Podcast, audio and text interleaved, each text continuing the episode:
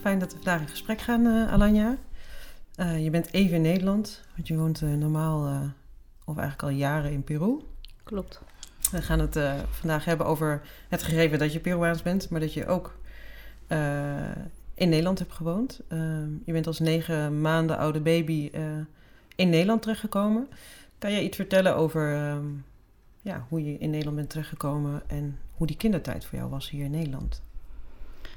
Um, mijn kindertijd was uh, vrij, uh, vrij ingewikkeld, moeilijk. Wat ik me kan herinneren, heeft me ook wel gemaakt tot wie ik ben nu. Mm -hmm. Even kijken, ik ben met negen maanden geadopteerd vanuit uh, Ayacucho. Mijn moeder kon niet meer voor me zorgen en daardoor heeft ze besloten om mij ter adoptie af te staan. En toen is ze bij een maatschappelijk werker terechtgekomen. En die heeft er meerdere malen laten terugkomen om zeker te weten of dat ze inderdaad wel was wat ze wilde. En uh, nou, dat, dat bleek zo te zijn. Dus uh, toen heeft de maatschappelijk werker mij uh, in haar familie opgenomen. Ik ben dus uiteindelijk niet, ik ben niet naar een weeshuis gegaan of een kinderthuis of wat dan ook. Dus ik kwam in haar gezin, en ze had zelf nog drie dochters waarvan één tweeling. En uh, op een gegeven moment werd die, werd die tweeling ziek, waardoor ze mij niet meer kon verzorgen. En toen heeft ze mij overgedragen aan haar moeder. Die woonde in een andere stad. Mm -hmm. Dus toen ben ik om mijn ja, korte leeftijd, in mijn korte leeftijd uh, ook nog naar een andere stad gegaan. Ja, want dit was allemaal nog in Peru? Ja, dat was ja. nog allemaal in Peru. Ja. En, en die maatschappelijk werker, die regelde ook de adoptie. Mm -hmm. um, en op het moment dat er meer duidelijkheid was wie mij ging adopteren, toen moest ik naar de hoofdstad toe, naar een andere maatschappelijk werker die mij uiteindelijk zou brengen naar Nederland. Dus eigenlijk in mijn korte tijd heb ik heel veel adressen gehad. En uiteindelijk naar. dat is eigenlijk ook wel, wel verschillend met heel veel andere adopties. Ik ben naar Nederland gebracht. Soms komt het ook voor dat ouders hun kindje gaan ophalen ja. in het land van herkomst. En jij dus niet, want jij bent naar Nederland gevlogen en toen zijn. toen heb je de, de je adoptieouders ontmoet. Ja, die stonden op Schiphol. Die stonden op Schiphol, ja, ja. precies. Oh ja, oké. En hè, dit was eigenlijk nog, dan hebben we het nog voor de negen maanden. Uh, hoe oud je was, zeg maar. Ja, ja klopt. Ja. ja. En toen werd je opgenomen in dat gezin. Kan je iets vertellen over die, die jonge kinderjaren in, in, in Brabant? Want daar ben je uiteindelijk terechtgekomen. Ja, ik kwam in een gezin terecht met uh, uh, nog twee oudere broers, uh, biologische kinderen van mijn adoptieouders. Mm -hmm. En die waren ouder dan ik. En ja, ik kon me nog wel herinneren dat ik het vreemd vond om in Goorle te zijn, want daar ben ik geadopteerd, of daar ben ik terechtgekomen. Mm -hmm. 1976 had je niet heel veel kleurlingen in dorpen rondlopen, dus volgens mij was het ook wel een een, een, een, was ik een, uh, een bezienswaardigheid. Ja. Wat ik ook wel ergens uh, toch wel, denk ik, heb meegekregen dat ik dat vervelend vond. Kinderen liepen met mij uh, rond te sjouwen op school, omdat ik zo schattig was. ja, omdat je anders was voor hun dan. Ja, ja. inderdaad. Ja. Dus dat, ik was zelf als kind was ik ook heel erg druk.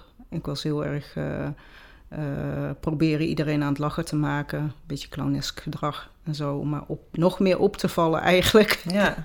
is een beetje, spreekt een beetje tegen. Maar uh, ja, probeerde ik toch uh, zeg maar mijn weg te vinden. En in die periode, eigenlijk van kleins af aan al, had ik veel problemen met mijn, met mijn moeder en met mijn broers ook wel. Met name omdat ik uh, dingetjes stilde. Mooie dingetjes die mijn broers hadden. Dat vond ik interessant. Daar zat ik aan. En dat vonden zij natuurlijk heel, heel erg vervelend. Ja. En uh, ik loog ook heel veel. Ik kreeg ook de stempel geen bodemsyndroom. Dat uh, veel adoptiekinderen blijken te hebben. En um, ja, dat, dat gedrag dat, dat verbeterde niet. Dus dat was heel, heel erg vervelend. Zowel voor mijn broers als voor mijn ouders. Als voor mezelf natuurlijk ook. Ja. En ja, dat uitte zich uh, in veel discussies en ruzies. Ja. Kan jij uitleggen wat het uh, geen bodemsyndroom inhoudt? En wanneer kreeg je dat label bijvoorbeeld? Uh, wanneer precies weet ik niet. Maar volgens mij als kind al. En juist met dat gedrag wat ik vertoonde en het niet kunnen hechten, je niet kunnen hechten aan mensen of aan plekken. Uh, ik denk ook wel dat uh, mijn moeder daardoor een beetje ja, haar handen van me af heeft getrokken. Want die vertelde later ook, of tenminste dat begrijp je dan later. Mm -hmm. Maar vertelde ze dat ze mij wel heeft geprobeerd uh, nou ja, fysieke aandacht te geven, te knuffelen en zo. Maar dat ik dat als kind, ja, probeerde ik me altijd los te worstelen en was ik daar niet van gediend. En daardoor is zij eigenlijk daar op een gegeven moment mee gestopt. Terwijl ik het later in de leeftijd gewoon wel uh, nodig had. Of tenminste, dat, dat voelde ik zo. Want ik uh, had een goede schoolvriendin en daar kwam ik dan thuis. En dan zag ik dat daar heel erg, uh, nou ja, veel fysieke, fysieke contacten waren. Of tenminste, kinderen die hingen bij hun ouders om hun nek. En toen ja. dacht ik altijd, dan ga je toch vergelijken van waarom gebeurt dat niet in mijn gezin? En uh, dat miste ik wel heel erg. Ja, en was het, uh, je zegt, uh, je hebt je altijd ook het gevoel gehad dat je anders was. Was dat ook onderwerp van gesprek binnen het gezin? waar je ouders begeleiden, zij, begeleiden jou ook met, met het feit dat je geadopteerd bent en, en dat je misschien vragen had? Ze zijn altijd heel erg open geweest over de adoptie. Ja, dat kunnen ze natuurlijk ook niet verstoppen. ik heb een andere huidskleur dan, dat, zo, ja. dan, dan, dat zij hebben. Ik lijk totaal niet op ze. Ik ben klein, ik heb zwart haar. Maar um, nee, ze zijn altijd wel heel open geweest over waar ik vandaan kwam. Uh, um, en uh, dat mijn moeder bijvoorbeeld ook uh, kwam ook te overlijden toen ik twee jaar oud was. Dus dat wist ik ook gewoon nou, altijd al. En, um, Je biologische goed, moeder? Ja, mijn ja, biologische precies. moeder. Ja, ja. ja. Maar er waren natuurlijk wel veel verschillen. Ik bedoel, als ik kijk naar het, naar, het gezin dan, uh, dan hielden zij heel erg veel van, van schaatsen. En ik ben iemand die helemaal niet van kou houdt. Nee. dus nee. Dat, dat is wel heel verschillend. Ja. Dus als zij dan, uh, nou ja, zodra het natuurijs uh, was, dan gingen zij ja, het natuurijs op. Terwijl ik een praktisch bij de verwarming zat te bibberen. zat te bibberen van mag ik alsjeblieft thuis blijven. Maar dat lukte natuurlijk niet, want daar was ik nog te klein voor. Ja. Dus dat, uh, ja, wel veel verschillen gewoon ook in, in, in, in interesses. Ja. ja. ja. En had je zelf al een idee wat het, bij, wat het, wat het inhield, dat geen bodemsyndroom en ook dat het dus te maken had met je adoptie en die hechting? Al in die kinderjaren of had je het gevoel? Nee, nee ik denk niet, niet dat dat heel erg duidelijk is geweest. Nee, want ik, ik uh, kwam echt met mezelf gewoon in de knoop. Want Mhm. ik probeerde echt, uh, ja, toch wel elke dag weer opnieuw te beginnen en te denken van, nou, nu ga ik geen ruzie maken, nu ga ik echt mijn best doen en de waarheid spreken en, en nou ja, gewoon uh, proberen het voorbeeldige kind te zijn. Ja. maar uiteindelijk, dat, op de een of andere manier lukte dat niet. Dus dat, uh, nee, ik, ik begreep, dat, uh, begreep dat in het begin niet. Gewoon Ja. ook niet van waarom ik was weggedaan. Of zo voelde dat echt. Hè? Waarom ben ik weggedaan? Waarom willen mijn eigen ouders me niet? Alhoewel ik natuurlijk wel weet dat mijn moeder is overleden op tweejarige leeftijd. Maar toch is dat toch iets wat je, wat je niet begrijpt als kind. Nee. Ja. En, en, en had je dan met je adoptieouders daar dan gesprekken over? Konden zij, konden zij jou die antwoorden geven of jou daarin geruststellen? Of merkte je dat dat ook onderdeel was van het conflict wat jullie hadden? Ik uh, heb daar volgens mij, als ik uh, me goed herinner, niet heel veel over gesproken. Ik hield dat voor mezelf. Um, ja, ik denk dat, dat, dat. Ik kan me niet herinneren dat dat echt een thema was wat op tafel kwam of zo. Nee. nee. En je zei, hè, je was best conflictueus en, en je werd ook steeds ouder en, en puber. Hoe is dat uh, uiteindelijk geëscaleerd? Of wanneer was voor jou het punt van dit is voor mij niet een, niet een, een, een veilige basis? Eigenlijk als al, al, als al klein kind, toen uh, probeerde ik al weg te lopen. Uh, en toen begreep ik eigenlijk nog niet wat weglopen was. Ja. Dus als ik het niet, uh, als we ruzie hadden dan, of als ik het niet fijn had, dan pakte ik mijn rugzak en dan stopte ik de, de interessante dingen in mijn rugtas om mee mm -hmm. te nemen. Maar uiteindelijk liep ik dan de straat uit, maar wist ik niet waar, waar ik naartoe moest. Dus dan kwam ik altijd weer terug. Ja. Ook omdat ik de hond miste of... Nou ja, maar op een gegeven moment inderdaad, na, na die problemen en uh, dat je daar gewoon ontzettend moe van wordt en verdrietig en ongelukkig. Uh, ja, toen had ik op een gegeven moment uh, het idee als puber, want ja, dan, dan word je nog rebelser. Ja. Zo van, en, en, van ja, ik, ik, ga maar gewoon weg. Dan eh, doe ik iedereen eh, plezier. Dan eh, heb ik geen pijn meer. Dan hebben mijn ouders geen pijn meer. Mijn broers. eh, ja, da- dat lost eh, alles op. Dat is natuurlijk het adolescentenbrein. Ja, Die denkt het van brein ja, wat denkt als ik weg ben, dan, eh, ja, dan heeft niemand meer last van mij. ja, inderdaad. En, hoe- en hoe ben je uiteindelijk weggegaan? Eh, mijn ouders die hadden een overjaarkaart, een abonnement. eh, dus dat kaartje heb ik gewoon meegepakt. En toen ben ik de trein ingestapt. En die heeft me naar Utrecht gebracht. Ja. Ja. Met wat voor gevoel zat je in die trein? ja, eh, ik denk eh, gewoon van ja, ik was heel, heel duidelijk in mijn beslissing van eh, dit is het beste voor iedereen. En we zien wel waar, waar het schip staat of waar de trein belandt. Ja, ja, ja. Dus uiteindelijk in, in Utrecht terechtgekomen. En dat was natuurlijk overdekt, Hoog Katerijnen.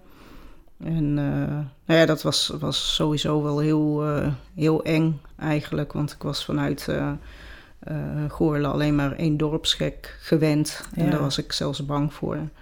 Maar als je dan op Utrecht komt en allerlei, eh, nou ja, het nachtleven ziet, allerlei mensen die daar eh, stiekem zitten te doen, rondhangen en ja, daklozen, was dat wel heel erg angstaanwekkend voor mij. Ja. En toen heb ik uiteindelijk weer de trein gepakt, ben ik verder gaan reizen om mijn tijd te verdoen. En, maar uiteindelijk weer, weer teruggekomen in Utrecht, omdat dat overdekt was. Ja, want je, je, je wilde gewoon niet meer thuis zijn, maar je had niet echt een plan. Het was meer gewoon, dan ben ik weg. Ja, inderdaad. Geen, geen plan uitgedacht. Nee. En, en hoe, hoe was het dan? Want de eerste dagen ben je hè, dakloos en, en, en zit je op Hoog Katerijnen. En eens zijn die rare figuren dezelfde mensen die, die jij ook bent. Ja. Ehm, ja, hoe heb, je, hoe heb je dat beleefd? Hoe, hoe, hoe ging dat? Ja, ging eigenlijk vanzelf. Ik heb vanuit huis meegekregen dat ik eh, een, een eh, sport, eh, dat ik aan een sport mee moest doen en een muziekinstrument kon bespelen. Dus ik heb eigenlijk altijd dwarsfluit gespeeld. En eh, eh, overdag toen zag ik een groepje, of tenminste een tweetal muzikanten die daar muziek aan het maken was. En daar was ik wel in geïnteresseerd, dus daar ben ik gaan zitten. En eh, ja, dat was eh, een vrij lange tijd heb ik daar blijkbaar gezeten. Want uiteindelijk vroegen ze aan mij, wat, eh, ja, moet je niet naar huis toe of zo? Mhm. En toen vertelde ik van, nou ja, ik heb, ik heb geen huis, ik kan ergens heen. En toen zeiden zij van, ja, wij, hebben ook geen huis, maar wij maken gebruik van de sleep-in, van de nachtopvang. Ja. Dus ehm, toen zeiden ze, kom maar met ons mee en dan, dan, dan la- laten we je zien. Dan kan je vast zelf ook wel naar binnen. Dus ja, en, en dan gaat het van het een op het andere moment zit je dus in de, in de dakloze opvang. Dus dan eh, leer je daar mensen kennen en... eh, ja, eigenlijk ook toen vrij snel zo van, oh, dit zijn allemaal mensen met problemen. Ik heb zelf ook problemen, dus ik voelde me ergens wel, eh, nou ja, een, een, een, eh, gerelateerd met hun. En Ja. eh, ik dacht van, nou, dat, eh, zij namen mij ook, van, nou ja, ze lieten me alles zien. Hè, dus de nachtopvang ging s ochtends dicht en dan gingen ze allemaal naar de naar Hoogkaterijnen aan het afwachten tot de dagopvang open ging. En dan met z'n allen naar de dagopvang en dan naar de koffieshop en weer naar Hoogkaterijnen. Dus eh, toen ik dat eenmaal leerde kennen, eh, waar iedereen naartoe ging en, en je ook die, de mensen zeg maar beter gaat leren kennen, ja, had ik zoiets van: oké, ik ben. eh, dit is een nieuwe, nieuwe stap in mijn Ja. leven of dit is een nieuwe situatie. Ja, en dus jouw leven, zeg maar, waar je dan weg bent van de situatie waar je niet wil zijn. Ja, klopt. Maar je was ook heel jong, want je was toen 15, 16. Ik kan me voorstellen dat de meeste mensen die eh, dakloos zijn wat ouder zijn. Ja, klopt. Ja, Hoe voelde dat? Ja, dat was natuurlijk eh, wel opvallend en, en raar. En, maar ik had wel altijd het idee dat ze mij, eh, dat ze mij beschermden. Mhm. Dus ze waren altijd wel bezig met eh, van nou, we willen niet eh, dat je drugs gebruikt en we willen je daar niet zien op de Europalaan. En als ik je, nou ja, met, met grove taal nogal, zo als ik je daar zie, dan schop ik je heel hoog Katerijnen door. Ja, ja, ja, ja. Ehm, dus ja, zij, zij, zij beschermde mij op, eh, op een, een of andere manier wel. En vroeger was het dan ook echt van, van ja, je zat in een groepje, dus eh, je ging dan samen proberen geld eh, bij elkaar te krijgen om s'avonds de sleep-in te betalen en, eh, en binnen te komen. Dus dat ja, bestond uit bedelen. Had je het gevoel dat het, dat het meer veilig was dan het gezin waar je, waar je, waar je vandaan kwam, zeg maar? Ik denk niet dat ik de vergelijking heb gemaakt qua veiligheid. Ik, heb, uh, meer, uh, ik, ik, voelde me op de een of andere manier daar thuis. Ja. Ik had uh, ja, gewoon de, de, de vergelijking van dit zijn mensen die problemen hebben. En ik heb zelf ook problemen. Dus nou ja, ik voelde me daar ja, toch meer, meer, meer thuis. Of meer, ja, ik weet niet, ik kan het niet zo goed uitleggen misschien. Nee, maar meer op je plek om, omdat je eensgezinde mensen hebt om je heen en niet continu het conflict misschien hebt. Ja, inderdaad. Ja. Het was rustiger. ja, ja, ja, maar was het ook rustig in je hoofd? Merkte je ook dat, dat, dat uh, de vragen die je allerlei had en de frustratie en boosheid, of was die er eigenlijk nog steeds? Die was, er, ja, die was er nog steeds, maar minder aanwezig omdat je, uh, ja, omdat je in een groep, uh, dat je samen met, met de groep, dus je vergeet het ook een be beetje. Ja. En ja, het, was, het was ook heel erg nieuw. Hè? Dus alles wat nieuw is, is ook uh, spannender. Uh, en uh, ja, je, het werd ook wel moeilijker voor mij om de stap terug te maken naar huis. Want ik heb er nog wel eens aan gedacht van... Ik ga terug naar huis. ik heb de trein ook gepakt toen een keer weer naar Den Bosch. Mm -hmm. Maar dat ja, bedacht ik me later. En dat was de laatste trein ook. En toen uiteindelijk in Den Bosch, toen reden er geen treinen meer naar Tilburg. Dus was ik daar, moest ik daar blijven. Ja. En uh, de volgende dag was die uh, wens alweer vervlogen. Toen dacht ik van ja, ik ga toch maar weer terug naar Utrecht. Ja, ja. ja. Want, want miste je je ouders ook? Miste je ook ergens het gevoel van ja, dit is het ook niet? Of dat je dacht, ik miste maar halen? Ik miste, ja, ik miste mijn ouders wel. Maar ik wist ook gewoon dat het niet, niet goed ging. En dat het ook niet beter zal, uh, zou worden als ik weer terug zou gaan. Er was gewoon ja, te veel gebeurd. Mm -hmm. uh, te veel conflicten. En natuurlijk uh, verlang je terug naar, ja, naar, naar een gezin, naar een warm nest. Dus dat is wel lastig. Ja. ja.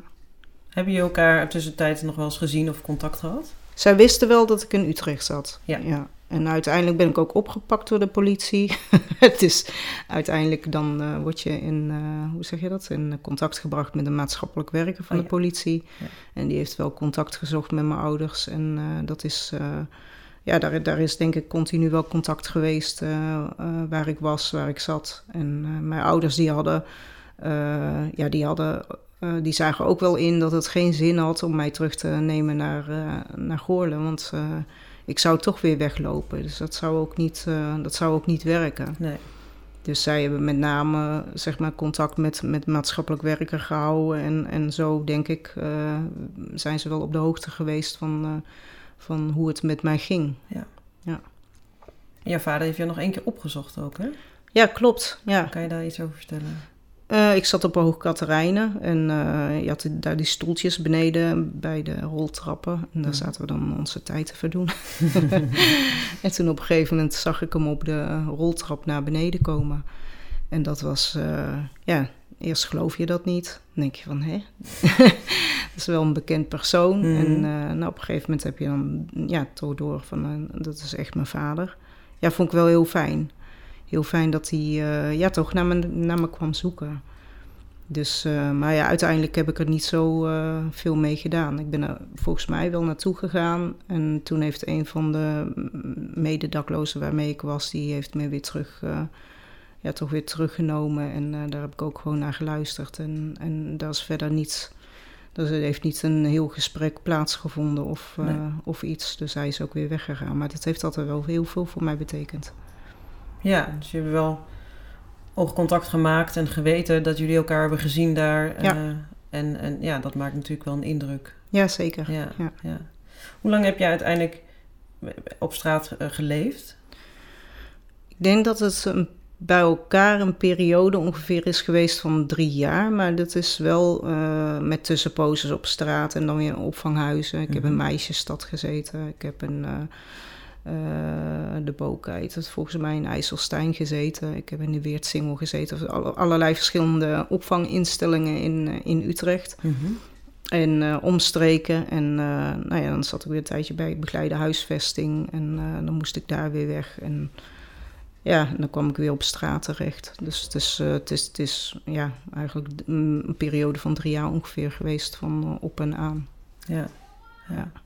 En, en wanneer is die situatie veranderd? Is er een soort kantelpunt geweest waarop, de, ja, waarop die situatie daadwerkelijk is eh, Ja, veranderd? Op een gegeven moment toen uh, mededaklozen die hadden het idee om een eigen nachtopvang op te zetten. Ehm, Mhm.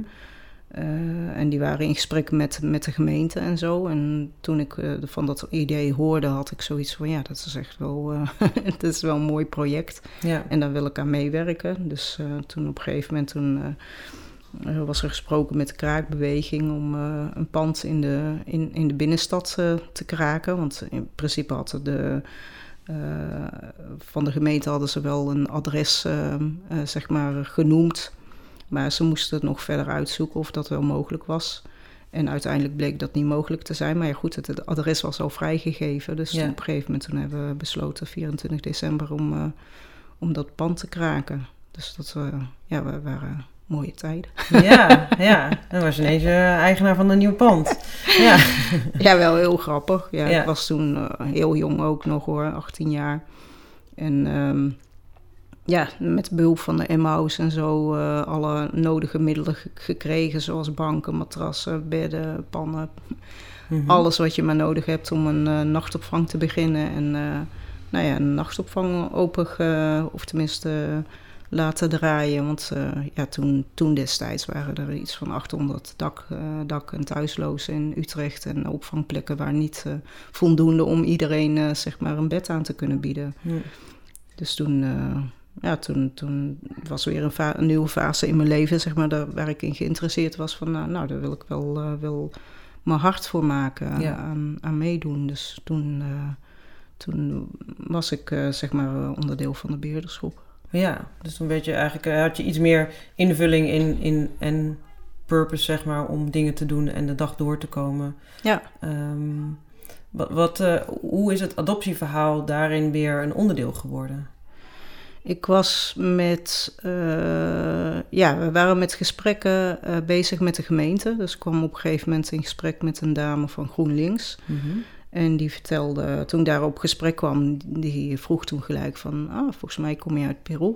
dat vond ik heel Mm. erg, erg bijzonder, want meestal waren mensen wel aan het raden van waar kom je vandaan. Maar dan waren de meest rare plekken die zij zeiden. En dat zij zo direct Peru zei, vond ik wel, eh, wel interessant. Toen Ja. zij, vertelde zij dat ze zelf een zoon had eh, geadopteerd uit Peru en een dochter uit Bolivia. En dat het haar leuk leek als ik een keer op bezoek zou komen. En eh, in contact zou komen dus met, met andere geadopteerden. Ja, Nou, dat heeft uiteindelijk nog wel een tijdje geduurd volgens mij. Want ik vond het heel erg lastig om contacten te leggen. Zeg maar buiten mijn vertrouwde, vertrouwde wereldje. Dat waren natuurlijk de, de daklozen en eh, Ja. eh, eh, enkele professionals. Maar het, het contact echt buiten, buiten, dat vond ik toch wel heel erg spannend. Dus dat, volgens mij heeft het wel een tijdje geduurd voordat ik daarop inging. Maar uiteindelijk toch gedaan. En toen ehm, eh, bleek dat die Peruaanse, of tenminste zoon uit Peru, die had een vereniging opgezet voor geadopteerde jongeren uit Peru die in Nederland woonden. Mhm.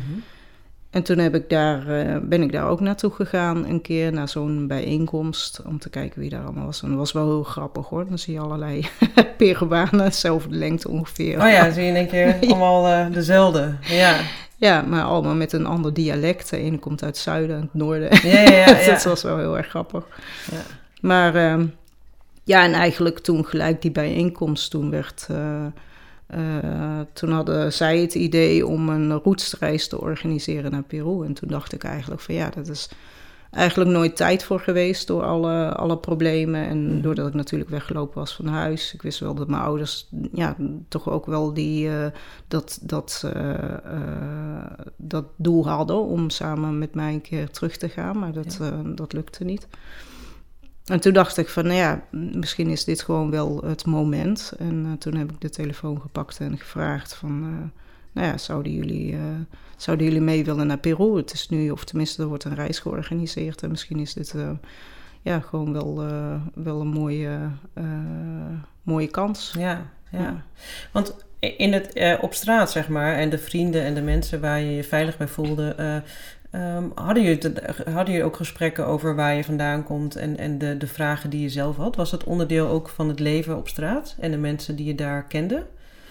Nee, niet echt. Nee, het was meer eh, gewoon de dag doorkomen Ja, En, uh, en, en zorgen dat je s'avonds weer geld had om in de nachtopvang te slapen. Ja. En gewoon de dagelijkse dingen. Dus daarin was je ook weer een ander persoon dan het kleine meisje in het dorp, die natuurlijk wel heel erg werd gezien als uh, het adoptiemeisje. Ja. ja. Uiteindelijk kwam dat vraagstuk dus in het leven van wil je terug uh, naar Peru en wil je ja, je roots uh, gaan ontdekken. en je belde je ouders. Hoe, hoe was dat gesprek? Dat was voor hun waarschijnlijk een hele onverwachte vraag. Ja, ik denk dat het heel verrassend was dat, dat ik opbelde. En nou, wat ik heel mooi vond is dat ik vroeg van willen jullie met mij mee naar Peru? En toen zei mijn vader van wil jij wel dat wij meegaan naar Peru? Dus Ja. dat vond ik wel heel erg ja, toen bedacht ik me ineens van, oh, terugkerende vraag. Ja. Maar uh, ja, dat was wel, wel bijzonder. En, en uiteindelijk uh, is mijn vader toen wel meegegaan naar bijeenkomsten. Want die reis die werd natuurlijk helemaal besproken. Van waar gaan we dan allemaal naartoe? Waar komen we langs? Wat, uh, ja, wat vinden we gewoon handig en belangrijk allemaal? En hij heeft daar gewoon altijd is hij meegegaan naar die, naar die afspraken. En uiteindelijk is mijn moeder ook ja, die vond het in het begin denk ik wel lastig, want het was natuurlijk wel heel erg pijnlijk. Voornamelijk voor wat, uh, ja, wat er allemaal was gebeurd in het verleden en zo. Ja. Maar uiteindelijk uh, uh, ja, had zij toch ook wel van, van ja, dit, dit gaan we samen doen. Dus dat is, ja, was gewoon heel mooi om, om die kans te krijgen en, en, en samen met die, met die groep naar Peru terug te gaan. Ja.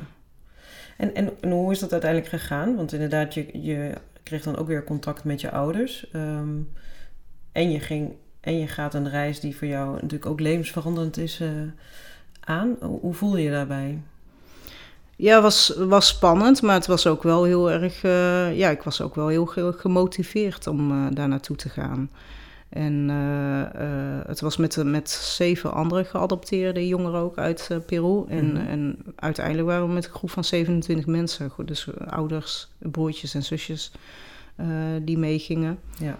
En ehm, ja, het, het, was, het was heel, ik, ik keek er heel erg naar uit. Het was eindelijk iets zo van, uh, eindelijk kan ik terug naar Peru, eindelijk kan ik het land uh, nou, zien waar ik vandaan kom en eventueel uh, biologische familie op te sporen. Ja.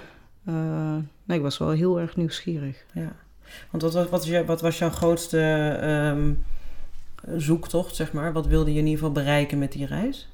Want je Ik- moeder, eh, biologische moeder, dat wist je dat die was al jong overleden.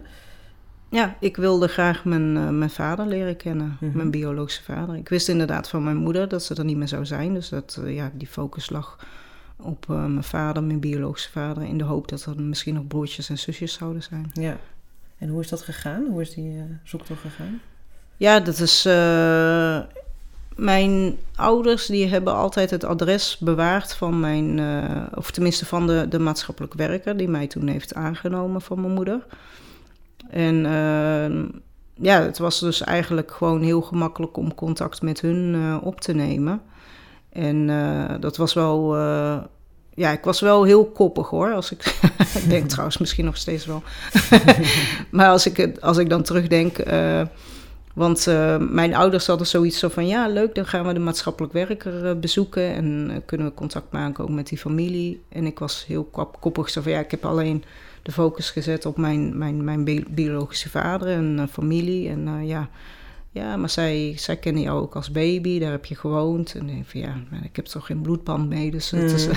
vast, niet, eh, vast niet interessant. En, maar de oudste dochter van dat gezin, dat sprak heel goed Engels. En ehm, nou, uiteindelijk zijn we dan in Lima aangekomen, de hoofdstad. En toen eh, hebben we contact gemaakt. Ik nog steeds een beetje, ja, toch wel argwanend. Zo van, ja, dat, eh, waarom, waarom moet dat? Maar toch wel gewoon gedaan. En toen op een gegeven moment, toen, ehm, toen eh, kwamen dan de mensen, of de maatschappelijk werkster en, en, en haar man, die kwamen dan de lobby inlopen met de oudste dochter die Engels sprak. En eh, eh, ja, die man die, die, die was heel emotioneel en die, die opende zijn armen en eh, liep op me af. Maria. Barbara, zo heet ik, Maaike Maria Barbara. Maria Barbara, en zo liep hij op me af, huilend. En ik denk dat het van, van- ja, het was, het was natuurlijk een, een, een, grote spanning die er was, sowieso Ja. om, in Peru aan te komen en, en, en nou ja, eindelijk in het land van herkomst te zijn. En dus alle emotie kwam er bij mij ook in, ineens uit. Terwijl ik dacht zo van ja, maar we zijn helemaal geen, we hebben helemaal geen familieband of zo. Maar ja, omdat hij die eerste stap zette, ja, toen, toen brak eigenlijk alles. En toen uh, hebben ze ons meegenomen naar de begraafplaats waar mijn, uh, waar mijn biologische moeder begraven heeft gelegen. Want dat wordt na vijf jaar geruimd, dat graf, mhm. als er niks, uh, niks meer betaald wordt.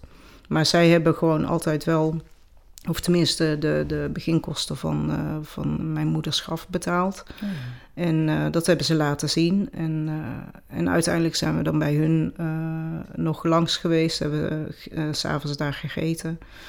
En ja, toen, ik weet niet, uh, maar uh, op mijn beste Spaans zei ik... als ik mijn biologische familie niet vind, dan, uh, dan, dan neem ik jullie aan als mijn familie. Mm, yeah. heel raar, want dat was natuurlijk heel tegenstrijdig met mijn begingedachten. Maar het voelde zo goed en het was ja, zo'n warm gezin... En, maar omdat zij contacten nog had in, want zij woonde eerst ook in Ayacucho en zij zijn later pas naar Lima verhuisd uh, kenden zij nog wel oud maatschappelijk werkers die daar, uh, die daar nog wel woonden. Dus ja. uh, onze rondreis ging natuurlijk allemaal via allerlei plekjes. En op het moment dat ik dan in Ayacucho zou aankomen, dan, dan hadden zij, of tenminste inmiddels contact gelegd en gekeken of er, er mogelijk nog wel familie zou zijn. Ja. Dus ik kan me nog herinneren, we kwamen met een grote touringbus, uh, kwamen dan aan in Ayacucho uh, in het hotel. En gelijk in de lobby stond daar een maatschappelijk werkster klaar die een verhaal had. En dat ging wel eigenlijk heel erg hard hoor. Dat was, uh, oh Maria Barbara, ja. Nou, we hebben onderzoek gedaan. Uh, je vader is overleden. Je hebt een broertje gehad, die is overleden. Maar we hebben wel je tante en je ooms gevonden en je oma. Hmm. Nou, weer dat koppige. ja. ja, wat heb ik dan aan mijn, aan mijn ooms en, uh, en tante en oma? Ik wilde mijn vader uh, leren kennen. Dus dat vond ik nog wel heel erg lastig om die. ja, om, om, om dan naar mijn oom te gaan. Uh, want dat was een teleurstelling. Maar sowieso zijn er, is, het, is het nogal wat wat je voor je kiezen krijgt als je in een lobby staat en hoort uh, hè, daar waarvoor je ook naar Peru wilde. Uh, je vader leeft niet meer, je broertje niet meer. Uh, hoe deal je daarmee? Ja, vond ik heel, vond ik heel erg lastig. Want dat was natuurlijk gewoon wel waar ik mijn focus op gezet had. Ik had heel erg gehoopt eindelijk te kunnen uh, zien waar ik vandaan kwam, van wie ik bijvoorbeeld bepaalde karaktertrekken heb of gelaatstrekken of wat dan ook. Dus dat was wel een hele grote teleurstelling. En dat, uh, ja, dat moest ik gewoon in vrij korte tijd toch wel uh, even verwerken. Ja. En waarbij mijn koppigheid dan weer zoiets had, zo van ja, ik heb helemaal geen zin om naar mijn ooms te gaan en dat hoeft voor mij niet. En ja, toch wel uh, mijn vader volgens mij die heel voorzichtig. Want dat was natuurlijk ook best wel lastig. Want die wist ook wel van ja, we kunnen niet, niet heel veel uh, inbrengen of zo. Er is natuurlijk een hele lange tijd een... een, een um, moeilijk contact geweest. Moeilijk contact geweest, inderdaad. Dus uh, wat kan je wel zeggen? Maar goed, hij heeft het toch benoemd zo van ja, het is nu de mogelijkheid die je hebt. En wanneer komt die mogelijkheid weer terug als je straks in Nederland bent? Precies. Komt die terug? Ja. Dus ja, daar ben ik toen wel uh, heb ik toen wel heel erg over nagedacht. En toen bedacht zo van ja, misschien uh, heeft hij wel gelijk. Ja. En uh, ben ik daar wel mee, mee in zee gegaan. Dus de volgende dag stond de maatschappelijk werker dan, dan weer op de stoep. En was er een auto geregeld, een taxi geregeld. Zodat we naar, naar, dat, naar, naar het dorpje konden gaan waar, waar mijn biologische familie was. Ja. ja. En hoe was die ontmoeting? Ja, geen spoorloos uh, Nee, geen, uh, geen moment van... Uh, Niet wat je gewend bent van tv, nee. huilend in elkaars armen vallen. Nee. En wat eigenlijk heel maf is, want dat was natuurlijk wel in de beginsituatie met, met, met de man van die maatschappelijk werkster, die, ja. waar ik geen bloedband mee had. Nee, het, was, ja, het zijn boeren, komen van het platteland, woonden in een dorpje een uur op afstand van, van de stad. En ja, het was toch wel heel erg uh, kijken naar elkaar. Toch wel heel erg een rare situatie. En ik denk, ja, ik weet ook niet of het anders was geweest als mijn vader daar had gestaan hoor. Ik denk het wel. Ik denk toch zeker wel dat ik hem misschien toch wel een beetje een uh, afhoudende situatie had. Zo van ja, ik, ik, wilde het in het begin niet. Misschien, uh, misschien dat dat het was. Ik weet het niet. Maar, uh, en, en wat ik ook heel uh, vreemd vond en, en misschien ergens ook wel vervelend, het hele dorp was uitgetrokken voor, voor die ontmoeting. Oh, dus die kreeg je er ook bij? Ja, dus ja. ik wist ook eigenlijk niet zo van ja, wie, wie is nou wie? Van wie behoort nou tot de familie? En, oh, ja. en, en, Spaans was natuurlijk uh, niet, niet voldoende aanwezig. Er was nee. wel een tolk, maar ja,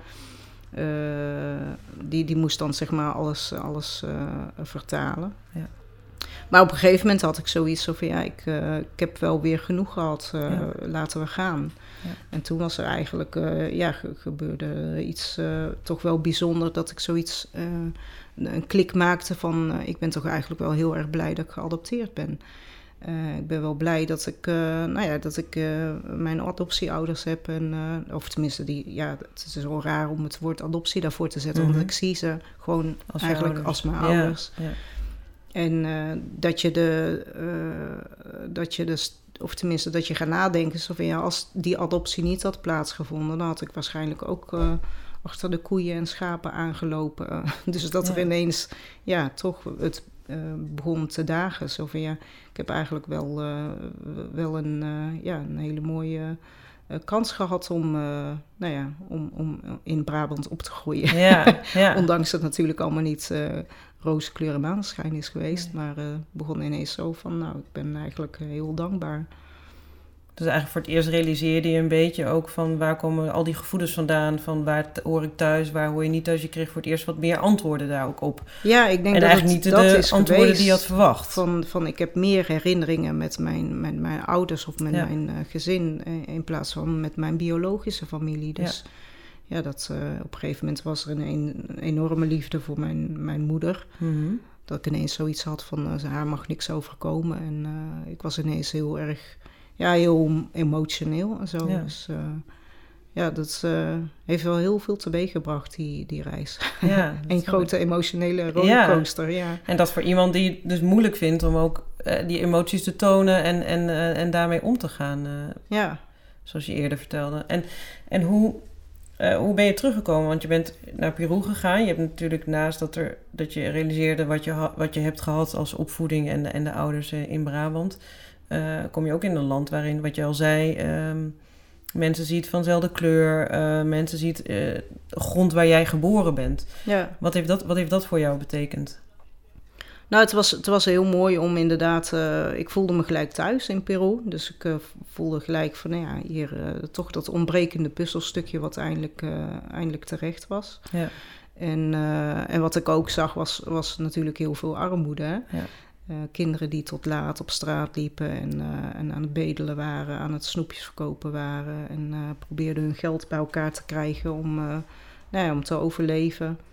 En eigenlijk zet ik dat gelijk om in een, in een wens van uh, ik, ik wil terug naar Peru. En ik, Mhm. uh, uh, waarom doe ik niet hetzelfde eigenlijk wat ik in Utrecht heb gedaan voor de daklozen? Ja. Waarom ga ik dat niet hier doen? Dus toen ja, ontstond bij mij eigenlijk gelijk direct het idee van ik, ik, ik ga terugkomen. Ik, en dat is natuurlijk maf, want mijn ouders die hadden eindelijk is ze er weer. Ja, ja inderdaad. Ja. We, hebben, uh, we hebben een beginnende relatie weer. Ja. En dan heeft ze het idee om uh, naar Peru te gaan. Maar ja, zoals ik al zei, ik ben heel koppig. Als ik eenmaal het idee in mijn hoofd heb, dan uh, wil ik dat dat uh, voor elkaar komt. Dus eigenlijk ja, de hele, de hele reis daar wel over gesproken. Ook met, uh, met, met, met uh, ja, mede, medereizigers. Zo van, Mhm. uh, toen nog ook heel erg het idee gehad met een ander adoptiekind. ook van, zullen we dat samen doen? Hoe gaan we dat doen? Uh, wat willen we dan precies doen?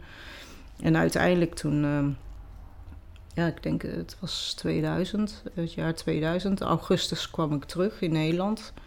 En toen ben ik eigenlijk heel, heel veel gaan uh, onderzoeken en uh, gaan bedenken. En toen, 28 september 2000, bestond mijn stichting, Los Cachorros. Ja, dus en, je bent eh, meteen aan de slag gegaan. Ja, heb ik een bestuur bij elkaar gezocht om, ja. om, om ja, die stichting vorm te geven. Ja. Hoe keek je toen... Um, naar dat, naar dat vraagstuk wat denk ik iedereen heeft die geadopteerd is van hè, welke grond is voor mij, waar hoor ik, waar, waar ligt mijn basis. Ehm, hoe, hoe was dat vraagstuk op dat moment? Want je hebt besloten om uiteindelijk dan weer terug te gaan naar Peru. Ik wilde heel erg onderzoeken uh, waar ik me meer thuis zou voelen. Want ja. Uh, ja. in Nederland was dat natuurlijk allemaal vrij moeizaam, moeizaam verlopen en Mhm. gegaan.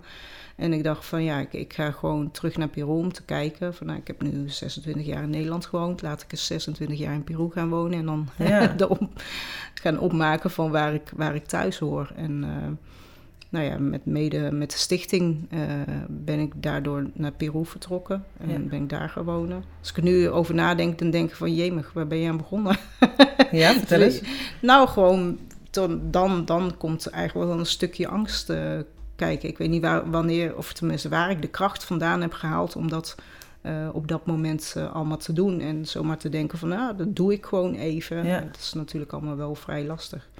Eh, omdat, omdat, ja, ik heb, het, ik heb het gewoon gedaan. het is Ja. uiteindelijk ook gelukt. Maar ehm, ja, van ga maar eens een tijd in Peru wonen en kijk maar eens hoe dat is. Mhm. Maar uiteindelijk kwam ik er ook wel achter. Zo van, ja, het is toch wel, wel, wel lastig hoor. Eh, toch wel in het begin ook eh, heel lang eh, het gevoel gehad van ja, ik leef een beetje tussen twee werelden in. Ik hoorde in Nederland niet echt bij vanwege mijn huidskleur, vanwege mijn lengte. Mhm. Eh, ik hoorde er in Peru eigenlijk ook niet bij. Want eh, nou ja, als ik eh, daar op straat liep, dan was er niks aan de hand. Maar zodra ik begon te praten, hadden mensen zoiets. Nou, de Brabantse accent.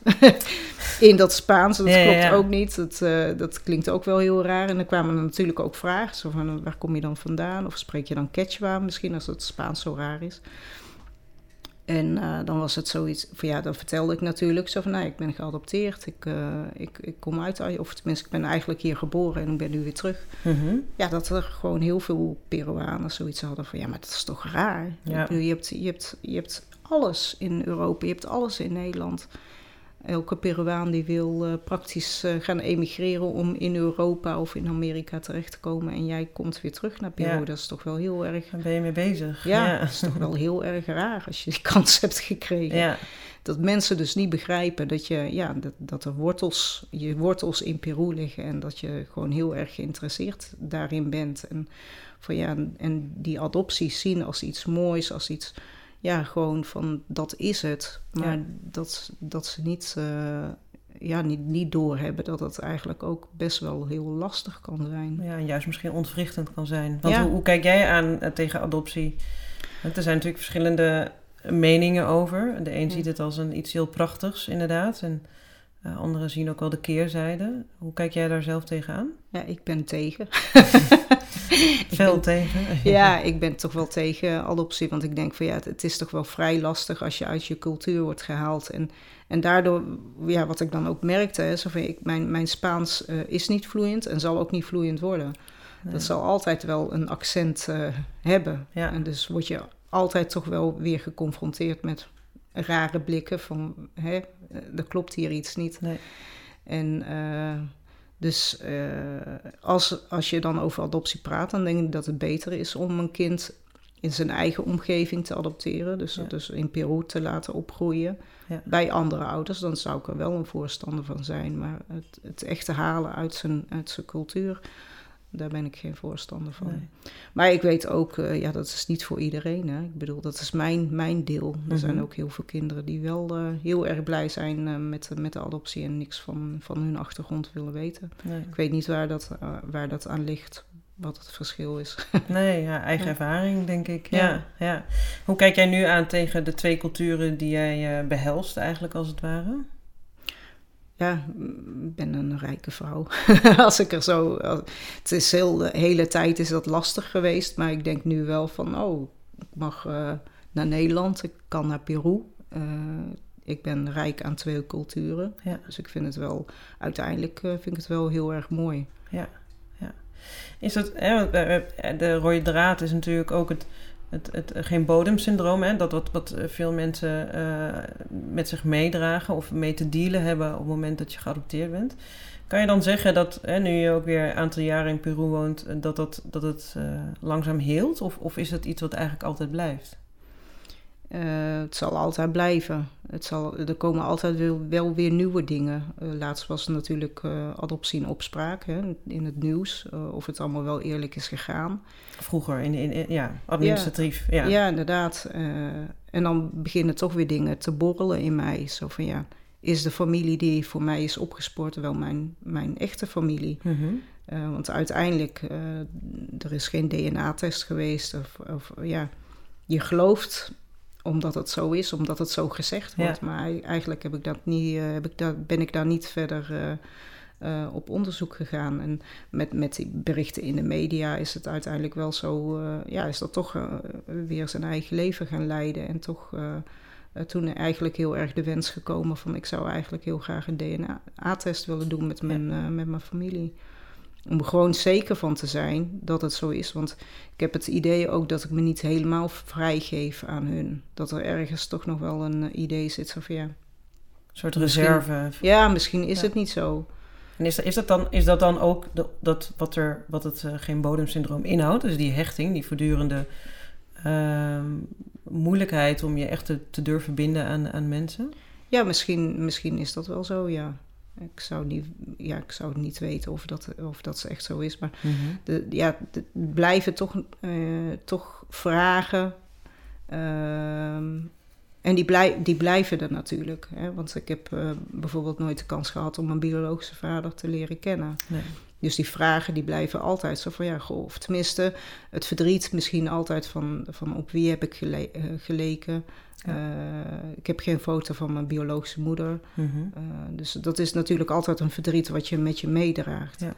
En ik heb wel uiteindelijk EMDR-therapie ge gehad. Ja. En dat heeft heel erg geholpen. Dus daar ben ik heel erg blij mee. Ik dacht eigenlijk zelfs van waarom ben ik daar niet jaren eerder mee begonnen. Maar dat was ook een hele zoektocht van. Ik weet wel dat er iets niet uh, lekker gaat en dat mm -hmm. ik uh, heel gereserveerd ben. En uh, dat ik het mezelf voornamelijk natuurlijk heel erg moeilijk maak. Dus ik zat wel de hele tijd te zoeken van welke therapieën zijn dan. of ja, waar moet je dan mee beginnen. Ja.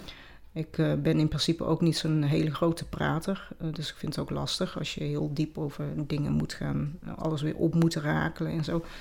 En uh, toen werd ik gewezen op, op EMDR-therapie. Mm -hmm. En toen dacht ik van ja, trauma. Maar ik, ik heb, heb toch geen trauma? Ja, ik heb toch geen trauma. Ik kan me voorstellen, kinderen die geadopteerd worden op zevenjarige leeftijd, die hebben herinneringen. Die, die kennen nog mensen uit die periode. Ja, maar jij dacht echt een trauma is als je weet dat je uit een, uit een land uh, komt en op, op, opgegroeid bent daar en, en, en herinneringen hebt, dan, dan heb je een trauma als je in een ander land komt. Ja, ja. ja.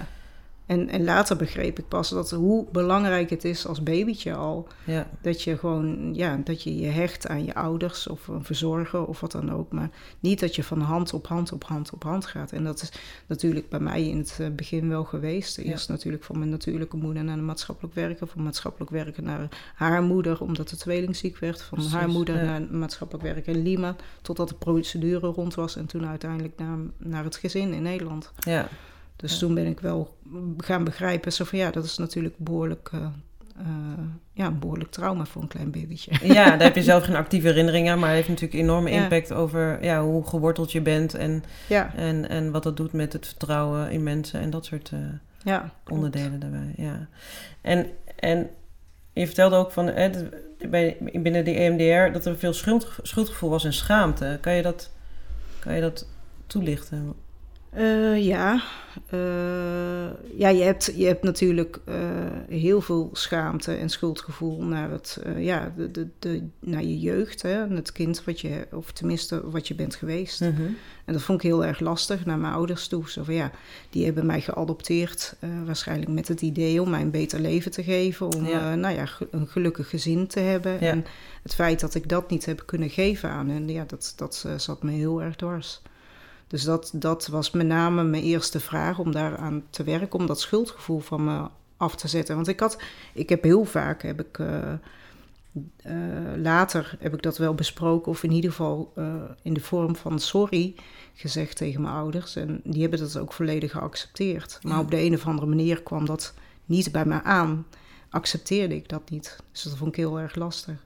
Maar uiteindelijk met die EMDR-therapie op de een of andere manier ja, voor mij was het gewoon de uitkomst.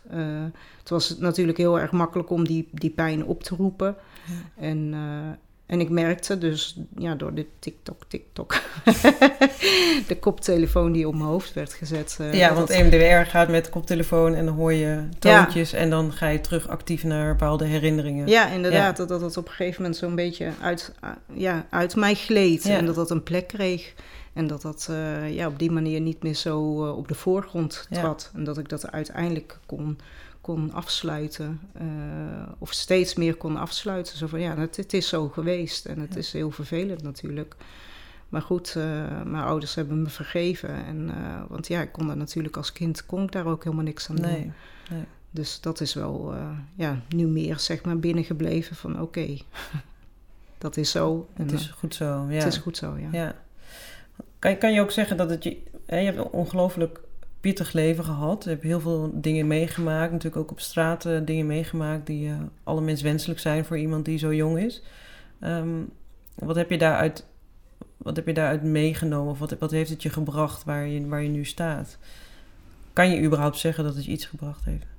Ja, als je zou vragen of ik er spijt van heb voor, over, die hele, uh, over die hele periode, dan, uh, dan, zeg ik zeker nee, want het heeft me gemaakt tot wie ik ben nu. Ja. Ik uh, vind het heel belangrijk om mensen te helpen. dat heb ik natuurlijk in de, in, in de periode met, met de nachtopvang gehad. Mm -hmm. De mensen willen helpen aan een slaapplek, een voorbeeld willen zijn om, van nou ja, als ik eruit kan komen, dan kunnen anderen dat ook. Ja. Het vertrouwen te geven aan andere mensen, van het kan moeilijk zijn, maar er is altijd weer zonneschijn na regen. Mm -hmm.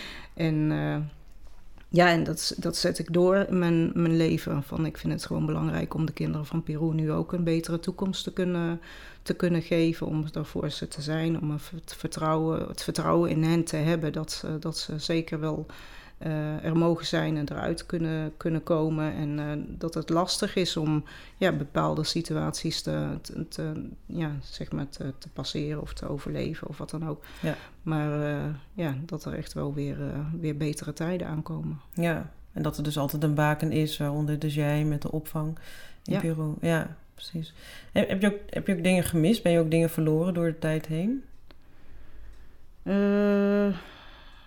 Ja, als, je het zou, als, als ik het zou over mogen doen, dan zou ik, uh, zou ik mijn jeugd wel willen overdoen. Met, om mooie herinneringen te hebben. Of mijn, het is ook heel lastig dat ik uh, heel veel dingen niet meer kan herinneren. Ja. Hoe, hoe, ze hebben plaatsgevonden. Dus het, het, is ook wel storend hoor. Dat je, en het is misschien ook heel pijnlijk voor mijn, van, voor mijn familie. Uh, want het, natuurlijk is niet alles kommer en kwel geweest. Dus dat, dat vind ik wel jammer. Dat ik de, de herinneringen niet meer niet meer heb. Want je bedoelt dan dat, dat je de positieve herinneringen, dat die negatieve meer overschaduwen? Ja. Ja, ja dat is wel verdrietig, ja. ja. En, en hoe... Misschien met hypnose. Ja. Volgende therapie. Volgende therapie, ja. Terug naar de positieve herinneringen. Nou ja, ja. En, je, en je hebt misschien foto's of, of andere herinneringen? Ja, ja het uh, fotoboek, dat uh, kun je altijd weer terugbrengen naar bepaalde situaties. Ja. ja. En hoe is je leven nu? Want je zit, bent nu al jaren in, in Peru. Uh, de stichting gaat volgens mij heel goed voor het gegeven dat het natuurlijk niet fijn is dat die stichting er moet zijn, überhaupt. Mm -hmm. um, hoe leef je daar? Heb je kinderen? Ja, ik ben, uh, ik ben getrouwd. Ik heb een, uh, een Nederlandse man. Oké. Okay. En twee prachtige kinderen. En een, mijn dochter is 16 jaar, mijn zoon is 14 jaar. En um, ja, ik heb een prachtig leven. Ik uh, ben gelukkig in Peru. Met ja. name omdat ik heel veel zon nodig heb, heel veel warmte nodig heb. En dat is hier lastig in de winterperiode in Nederland. Ja, dat is wel ietsje moeilijker inderdaad dan in Peru. ja. ja, en ik heb ontzettend uh, mooi werk. Ik vind het heel fijn om met de kinderen te werken en uh, bezig te zijn. En, en ja, we hopen dat zij ook zelfstandige, sterke kinderen worden die uh, uiteindelijk iets moois gaan doen in de toekomst. Wat mooi. Dankjewel voor dit gesprek. Ja, bedankt.